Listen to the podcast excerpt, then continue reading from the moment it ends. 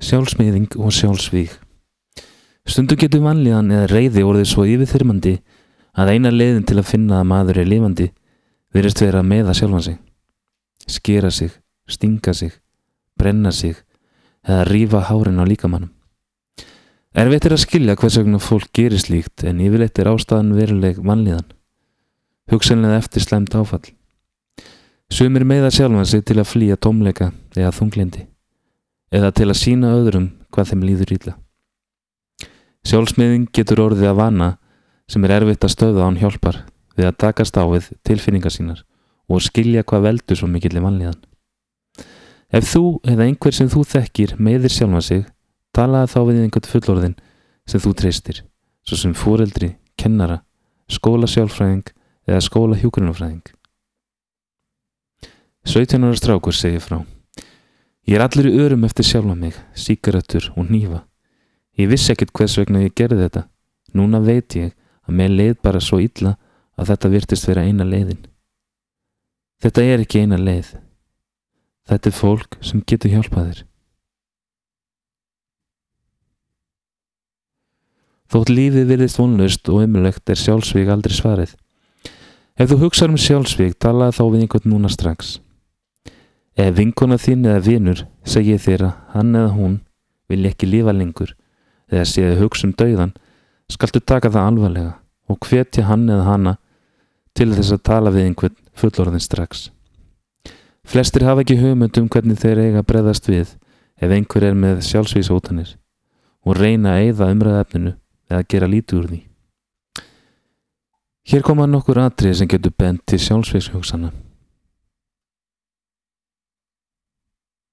Fyrri sjálfsvíkstilraunir Tal um vonleysi og að vera einskis virði. Tal um að vera byrði á öðrum. Sjálfsvíshótanir, beinar eða óbeinar. Algjört áhugaðleysi. Hegðun eða tal sem virkar eins og kveðjustund. Tal um dauðan. Að hlusta mikið á lög um dauðan, teikna og skrið um dauðan. Fíknefnaneysla, hraðakstur og önnur áhættu hegðun. Að gefa öðrum hluti sem hafa tilfinningalegt gildi. Hvað átt að gera ef einhver hótar sjálfsví? Vertu rólegur eða róleg. Segðu manneskunni að þú takir hann eða hanna alvarlega og þú viljir hjálpa. Sýndu að þér sé ekki sama. Spurðu spurninga um líðan manneskunar. Farðu með manneskunni eða ringdu og segðu einhverjum fullotnum sem þið treystið að hann eða hún þurfi hjálp strax. Alls ekki gera lítur hugsunum, líðan og tilfinningum þess sem hótar sjálfsvíði. Hafði huga að þú gerir ekki kraftaverk og það er alls ekki víst að þú gerir þig grein fyrir að vanlíðan fólks í kringu þig sé svona mikil. Það er eðlilegt að finna fyrir sektakjönd ef einhver nákomið þér fremur sjálfsmórð en þá er mikilvægt að tala um það. Ef þú ert að hugsa um sjálfsvík, leita þeir hjálpar strax. Sextán ára stelpa segir frá. Um jólaliti tók ég einn slatta sveppilum. Þetta var brengluð hugsun. Ég var eitthvað svo þreytt. Ég vildi bara sopna og vakna svo eftir fimm ár. Ég var orðin svo ógíslega þreytt á þessu öllu saman. 17 ára stelpa segir frá. Ég man bara ég stóð á klettabrúninni með sjóin fyrir neðan og þráði að láta mig falla niður.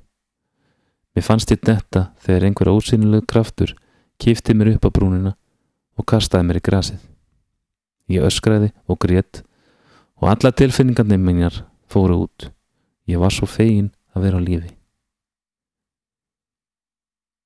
15 ára stelpa segið frá. Ég var ríkilega reið þegar vinum minn fram til sjálfsmórð. Mér langaði að öskra á hann og skamma hann fyrir að særa mig, svona.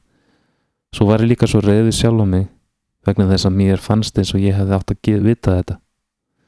Ég vildi óska að hann hefði sagt mér að sér líði svona illa svo að ég hefði getað hjálpað honum. Hjálpin er nær en þú heldur. Ef þú veist um einhvern sem er að tala um sjálfsvík og þekkir þessi enginni og hefur heyrt þessi enginni af vinum þínum sem við höfum verið að tala um hér, ringdi í 1717. Ég endur deg, ringdi í 1717.